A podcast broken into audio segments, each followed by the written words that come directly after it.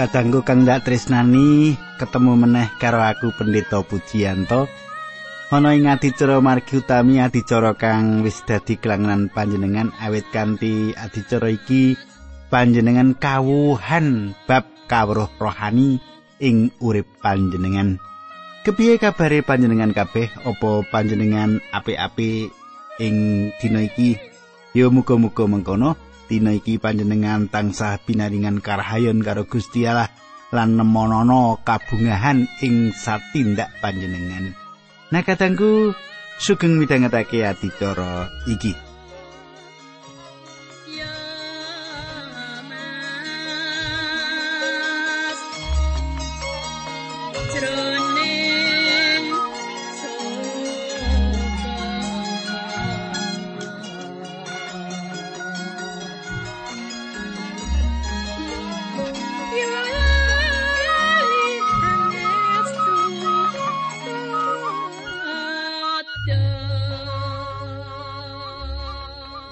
Kadangku ing pepanggian kita kepungkur.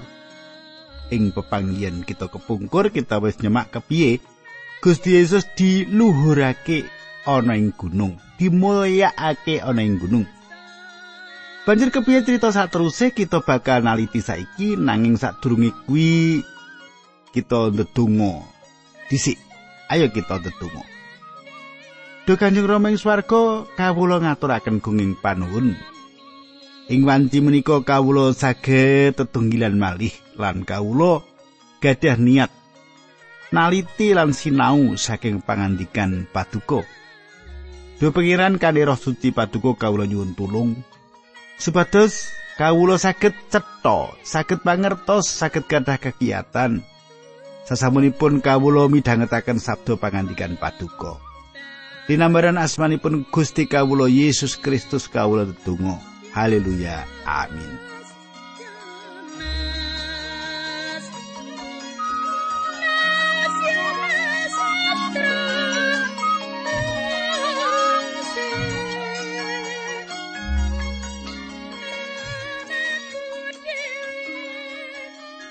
Sumitraku pasinaon kita wis ngancik ing Injil Markus bab 10.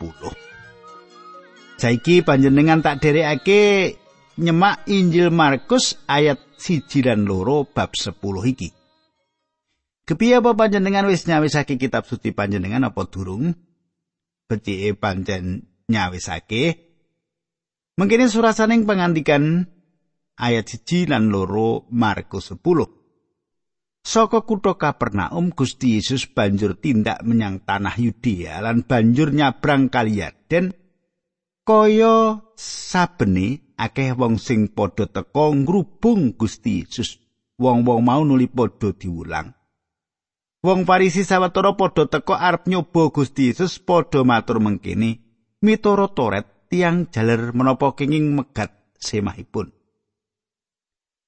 Katangku, kita perlu mengerti. Kita perlu mengerti wong-wong Farisi iki ora ngajoake pitakonan mau awit wong-wong mau ngarepake sawijining jawaban. Pitakonan kang diaturake marang Gusti Yesus kuwi amung kanggo ngolo Gusti Yesus. Njiret Gusti Yesus. Jebak Gusti Yesus. Pitakonan kang diaturake marang Gusti Yesus kuwi amung kanggo ngolo. Pitakonan kang mengkono kuwi sawijining pitakonan kang pinter, julik kang ing wektu kuwi lagi anget-angete wong padha ngrembug bab pegatan. Awit apa? Awit Herodes wis megat bojone lan ngrabi bojone sedulure, ya kuwi bojone Filipus. Yohanes Pembaptis katigas gulune awit ngelekake patrap lakune Herodes iki. Dadi yen Gusti Yesus paring jawaban ora upamane, iku ora mung ndadekake lelawanan karo wulangane Musa, nanging uga dadi sebab Gusti Yesus lelawanan karo Herodes. Kosok baline yen Gusti Yesus paring wangsulan iya wong-wong bisa ndakwa panjenengane sembrono ana ing wulangane. Dadi saiki panjenengan gatekake kepiye cara kang digunakake panjenengan Ayat telu lan papat Markus 10 Gusti Yesus ngendika karo gentindang dawe Nabi Musa marang kowe kepiye? Wong-wong Farisi mau padha mangsuli manut pernatanipun Nabi Musa, tiang jaler kenging megat semahipun angger nyukani serat pegat. Katanggu. Gusti Yesus sakbenere wis pirsa apa kang bakal dikandhakake perkara iku awet ing sajroning kitab pengandaring Torat bab 4 ayat 1 tekan loro. Ana hukum Musa kang nulis perkara iku. Musa kaya-kaya ngidinake anane pegatan. Sejatine, sejatine Musa ora duwe tujuan kang kaya mengkono. Uga dudu kersane Allah yen lanang karo wadon kuwi pegatan. Awit alasan-alasan sebab-sebab kang sepele. Dudu tujuane Allah lan Musa. Yen wong lanang lan wadon pegatan marga sebab-sebab kang sepele. Nanging Nanging sebanjure para pemimpin agama duwe tafsiran dhewe kanthi mengkono yen istri utawa wadon manggang roti nganti gosong bisa didadekake alasan pegatan. Ayat 5 lan 6 teko 9. 5 6 teko 9. Tak wacake Markus 10 ya. Gusti Yesus banjur ngendika meneh marang wong-wong Farisi mau nggone Nabi Musa gawe pernatan sing mengkono kuwi merga saka wangkoting atimu. Ing sekawit nalika Gusti Allah nitahake manungsa ana pangandika mengkene Gusti Allah nitahake manungsa lanang lan wadon. Mulane wong lanang bakal ninggal bapa lan biyunge banjur dadi siji karo bojone sing loro kuwi wis dadi siji dadi wong-wong mau wis ora loro nanging mung siji. Mulane manungsa ora oleh misahake wong-wong sing wis didadekake siji dening Gusti Allah. Sumitraku kang dak tresnani Gusti Yesus sing kene ngajak wong-wong mau balik nyemak tujuan Allah. Nalika Gusti Allah nitahake jagat saisine lan dosa durung mlebu ing jagat iki. Pegatan iku ora ana ing rancangane Allah. Ing jaman iku Allah kagungan rancangan kang luwih apik kanggo manungsa. Pegatan kuwi sawijining patrap dosa. Pernikahan bisa dirusak dening anggone wong rastya. Urip bebrayan bisa dirusak dening anggone wong ora setya. Gusti Yesus ngetingalake ing kene. Yen urip bebrayan utawa pernikahan iku awit saka dicipta dening Allah. Nanging kang dadi masalah yaiku ana wong-wong kang ora antuk ningkah. Urip bebrayan nanging kok malah ningkah. Saiki bab 10 ayat 10 nganti rolas. Injil Markus. Mengkene surat tadi. Bareng wis padha ana ing omah maneh para rasul banjur padha nyuwun pirsa marang Gusti Yesus bab prakara mau. Dawe sing sapa megat bojone banjur kawin karo wong wadon liyane kuwi laku jina. Sedeng tumrap bojone sing dipegat mau. Semono uga wong wadon sing megat bojone banjur kawin karo wong lanang liyane kuwi ya laku jina. Sumitraku. Hukum Musa meratelake bab wong wadon utawa wong lanang kang ora setya. Manut pangandaring Torat rolikur ayat rolikur nganti patlikur, wong kang ora setya mau bakal dirajam nganti mati, dibandemi watu ngono lho, nganti mati. Zaman saiki kita ora ngrajam nganti mati wong kang pegatan ya. Nek wong pegatan dibalangi watu ngantek mati ra akeh wong mati margo pegatan. Nah, tak teruske. Manut hukum Musa, wong lanang utawa wong wadon kang luput awet tindak jino. Sisiane bisa nganggep kang jino kuwi wis mati. Kitab suci menggunakake landesan siji kang bisa pegatan yaiku awet anggone ora setya. Lan anak kuwi dudu hasil patrap luput saka pernikahan iku. Urip bebayan iku anak aja digawa-gawa. Pegatan dadi patrap ala kang dobel. Tindak ala kang dobel awit anak bakal nandang kasangsaran akibat saka pegatan iku. Bener ora iki? Nah, saiki Markus 10 ayat 13 nganti 16. Wong-wong padha nyuwanake anak-anake ana ing ngarsane Gusti Yesus supaya padha diberkahi. Nanging wong-wong mau padha disrengeni dening para rasul.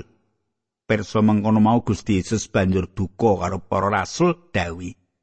Karben bocah-bocah marani aku aja padha kok alang-alangi. awit wong sing kaya bocah-bocah kuwi sing padha dadi umat ing kratone Allah elingo wong sing ora nampani kratoning Allah kaya patrape bocah ora bakal ngrasakake kanikmataning kratoning Allah mau. Sawise kuwi Gusti Yesus banjur ngrangkuli bocah-bocah mau tumuli siji-siji ditumpangi asta lan diberkahi. Adangku, bocah-bocah ora perlu ngenteni nganti ngancik dewasa kanggo sowan marang Gusti Yesus. Gusti Yesus ngersakake wong kang dewasa bakal dadi bocah cilik. Gusti Yesus ngersakake wong kang dewasa bakal dadi kaya bocah cilik. Kita krungu akeh bab kang kasebut maju terus, tuwuh lan berkembang. Menawa dumati kang kaya mengkono kuwi apik banget sawise panjenengan dadi putrane Allah. Nanging sak akeh ing antarane kita arah lakune marang arah kang luput. Saiki ayat 17 nganti 18. Nalika Gusti Yesus nglajengake tindake ana wong kang nututi karo mlayu, wong mau banjur sujud ing ngarsane karo matur, "Rama guru ingkang utami, kula kedah nglampahi menapa?" supados angsal gesang ingkang sejatos. Gusti Yesus ngendika, "Yo gene kowe kok ngarani aku utama." Ora ana wong sing utama, sing utama kuwi mung Gusti Allah piyambak. Kadangku kang dak tresnani. Pitakonan iku sawijining pitakonan kang lumrah saka wong lanang kang kabawah ing hukum Torat. Gusti Yesus budidaya supaya pemuda iki mikir, nom-noman iki mikir kena ngopo nom-noman mau nyebut Gusti Yesus wong kang utama mung ana panjenengane kang utama lan kang utama kuwi ora liya yaiku Allah dewi Menapa pemuda mau nyebut Gusti Yesus iku utama, mula Gusti Yesus kuwi yaiku Allah dewi. Mengkono ya. Saiki ayat 19 tekan 20 Matius 10. Mestine kowe wis ngerti angger-angger Gusti Allah ya kuwi kowe aja mateni wong. Aja laku jina, aja nyolong, aja goroh, aja ngapusi, ngajenono bapakmu lan ibumu. Wong mau nuli matur meneh Rama Guru, angger-anggeripun Gusti Allah menika wau sampun kula lampahi sedaya wiwit kula tasih lari. Kadangku perangan kang kawitan saka dosa titah iki disebut pitas. Pitas. Lan ana sambung rapete karo gegayutane manungsa marang Allah.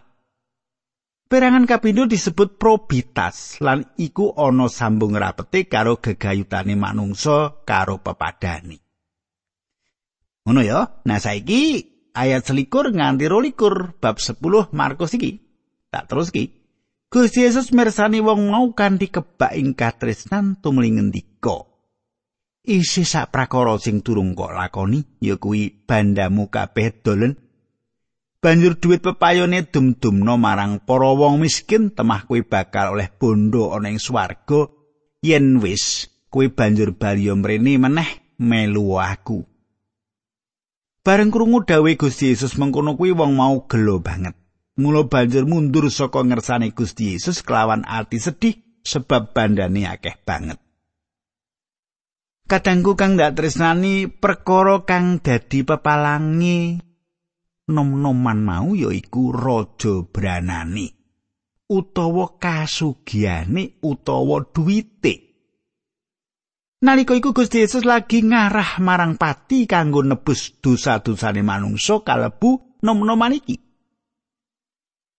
Gusti Yesus mlaku tumuju ing pati saupama pemuda iki nderek Gusti Yesus dheweke tentu bakal tekaning saliping panebusan nanging patrap nonoman iki sawise krungu apa kang dingendikake Gusti Yesus atine gelo banjur mundur saka ngarsane Gusti kanthi ati kang sedih awit akeh bandani. Paulus meratelakake ing sajroning siji Timotius 6 ayat 10 awit karem bondo kuwi uwiting sarupaning piolo. Bondo utawa dhuwit iku pancen bisa tuku apa wae, kejaba sing ora bisa dituku yaiku urip langgeng. Sing ora bisa dituku dhuwit, sing ora bisa dituku nganggo dhuwit, yaiku urip langgeng. Saiki ayat 23 nganti ayat 17. Markus 10 tak waca neh ya. Gusti Yesus banjur mirsani marang para rasul kabeh nuli ngendika, angel temen wong sugih dadi umat ana ing kratoning Allah. Para rasul padha delek-delek gumun ngrungokake ngandikane Gusti Yesus mau. Gusti Yesus banjur ngambali ngendika mlebu ana ing kratone Allah kuwi pancen angel banget. Luwih gampang onto mlebu ing bolonganing dom tinimbang karo wong sugih mlebu dadi umat ana ing kratoning Allah. Krungu pangandikan mau para rasul saya kaget banjur padha takon tinakon yen mengkono banjur sapa sing bisa oleh keselamatan. Gusti Yesus banjur mirsani para rasul kabeh tumuli ngendika, "Tumrape manungsa kuwi mau kabeh muka nanging ing ngatasi Gusti Allah ora ana barang sing muka. Kadangku kang ndak tresnani. Manungsa ora bisa mlebu swarga mung Gusti Yesus kang bisa ndadekake manungsa mlebu swarga. Ana sedulur kang nulis kang ana sesambungane karo duit mengkini duit bisa tuku tempat tidur nanging ora bisa tuku turu iku dhewe Duit bisa tuku panganan, nanging ora bisa tuku nafsu mangan. Duit bisa tuku obat, nanging ora bisa tuku kesarasan. Duit bisa tuku omah, nanging ora bisa tuku sawijining rumah tangga. Duit bisa tuku berlian, nanging ora bisa tuku katresnan. Duit bisa tuku bangku gereja, nanging ora bisa tuku keselamatan. Kadangku Gusti Yesus paring dawuh marang nono maniki supaya nyingkirake apa kang dadi pepalang. Pepalang gegayutane pemuda iki karo Allah yaiku bandani. Markus 10 ayat 28 nganti telung puluh papat. Ya, dawa banget tak waca iki ya. Rasul Petrus banjur matur, kawula sedaya menika ora ugi sampun ninar sawu kawis lajeng derek panjenengan. Gusti Yesus ngendika, "Iya. Mulane padha iling-ilingen saben wong sing ninggal brayati, ninggal sedulure lanang lan sedulure wadon. Ninggal bapakne, ninggal ibune utawa ninggal anak-anake lan ninggal palemahane merga saka aku lan merga Injil Gusti Allah." Wong kuwi mesti bakal tampa luwih akeh meneh, bakal tampa tikel 100 ya omah. Ya sedulur lanang, ya sedulur wadon, ya ibu, ya anak-anak. ya palemahan senajan wong mau ora luput saka panganiaya lan besok ing akhirat wong mau bakal tampa urip sing sejati nanging akeh wong sing saiki ana ing ngarep bakal tiba mburi lan akeh wong sing saiki ana ing mburi bakal tiba ngarep Gusti Yesus lan para rasul lagi padha menyang kutha Yerusalem. Gusti Yesus tindake ana ing ngarepe para rasul sing durung padha mari kagite lan wong-wong sing padha nderakake padha wedi. Gusti Yesus banjur nimbali para rasul ras meneh dhewean lan banjur ngandikani apa sing bakal dialami dening panjenengani ngendikani padha rungokno. Kita saiki lagi padha menyang kutha Yerusalem ana ing kono putrane menungso bakal diulungake marang para pengareping imam lan para ahli Taurat diadili lan dihukum pati panjenengane bakal dipasrahake marang wong-wong dudu Yahudi. Wong-wong kuwi bakal padha moyo ing ngidoni nyiksa lan wekasane nyalip panjenengane nanging telung dinane putrane menungso mau bakal wungu saka ing situ. Kadangku panjenengan gatake panjenengane saiki nuju ngarah tindake menyang Yerusalem. Panjenengan pirsa lan panjenengane sawek ngendikan marang para murid yen panjenengane tindak Yerusalem kanggo sedo. Saiki diterusake maca Markus 10 ayat 35 nganti patang puluh. Mengkini surasani. Rasul Yakobus lan Rasul Yohanes loro-lorone anake Zebedius padha suwane ngarsane Gusti Yesus banjur padha matur. Rama guru keparenga kula sami nyuwun pirsa. Pangandikane Gusti Yesus, "Yo arep nyuwun pirsa apa?" Wangsulane wong loro mau, "Benjing samangsa panjenengan sampun ngasta panguwasa wonten ing kratoning Allah." Keparenga kula sami linggih jejer panjenengan setunggaling tengen setunggaling kiwa panjenengan.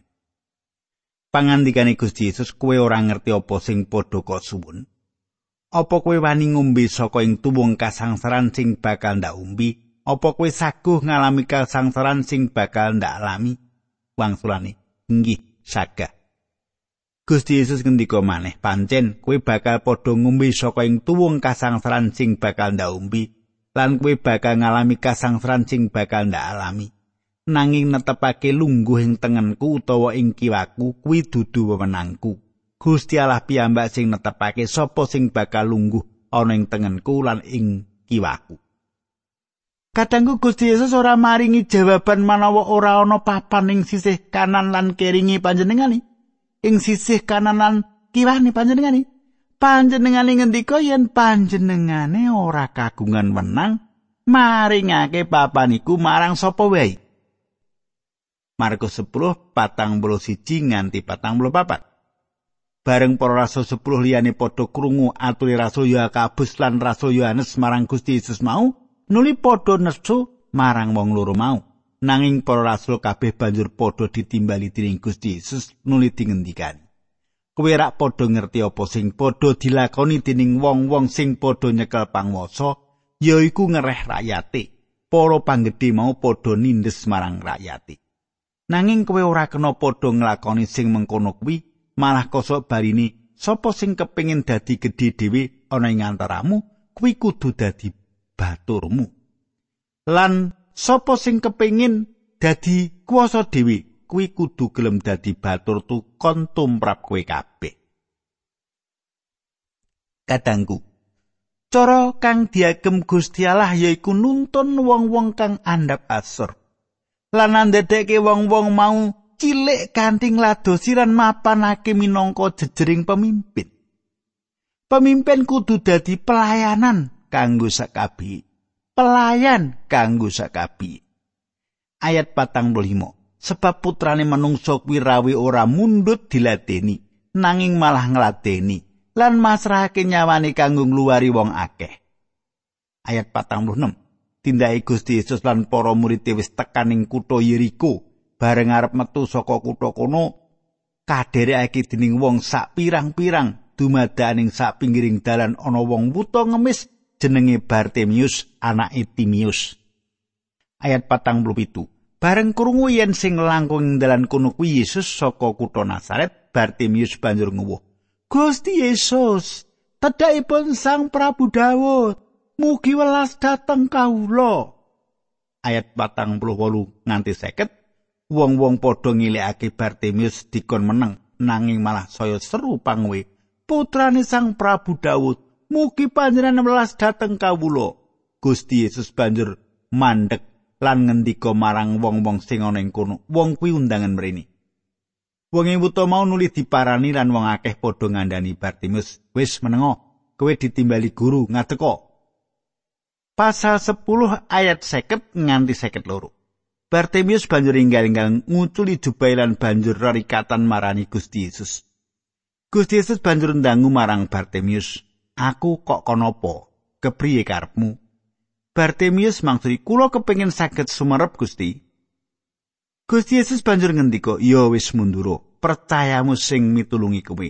Sanalika Bartemius bisa ndeleng sarta banjur nderekake Gusti Yesus. Kadangku, ing sawetara wektu kang arep teka, Bartemius bakal nyawang Gusti Yesus nandang sang srana ing kayu salib. Apa panjenengan wuta? Utawa panjenengan uga mirsani Gusti Yesus nandang sangsara margi nanggung dosa panjenengan. Coba panjenengan pirsani lan panjenengan urip ing sajroning panjenengani. Katanggu kepiye sebanjuri kita bakal nyemak ing ayat-ayat sebanjuri saka Injil Markus iki ing patemon kita. Awit saka iku panjenengan aja nganti ora mirengake awit adicara iki migunani kanggo tuwing kasukman panjenengan. Kita ndedonga. Duh Kanjeng Rama matur nuwun sanget kawula sampun dahar roti kasuwargan. Kawula nyuwun supados pangandikan paduka menika saged dados sangu kawula ing gesang wonten ing donya menika Gusti. Dinambaran asmanipun Gusti Yesus Kristus kawula tunggu. Haleluya. Amin.